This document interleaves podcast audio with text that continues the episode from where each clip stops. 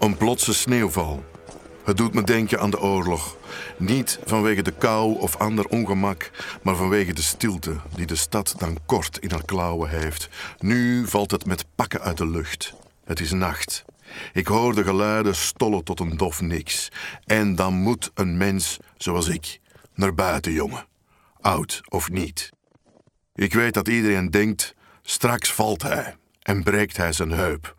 Straks ligt hij met zijn poten omhoog in een ziekenhuisbed in Sint Vincentius. En daarna is het gedaan met hem, finaal geveld door een bacterie die ze vooral in ziekenhuizen kweken. Het is curieus hoe oude mensen besmet raken door de angst van anderen. Door die angst laten ze zich opsluiten in tehuizen, laten ze zich voederen met flauwe kul en koude pap, een bingoavond van kus me kloten en een Marokkaanse aan hun gat met een stuk wc-papier. Iedereen mag zijn angst houden. Ik heb nooit angst gevoeld, nooit echt. En deze versleten aap leert me geen nieuwe drugs. Buiten kraakt de sneeuw onder mijn bottine.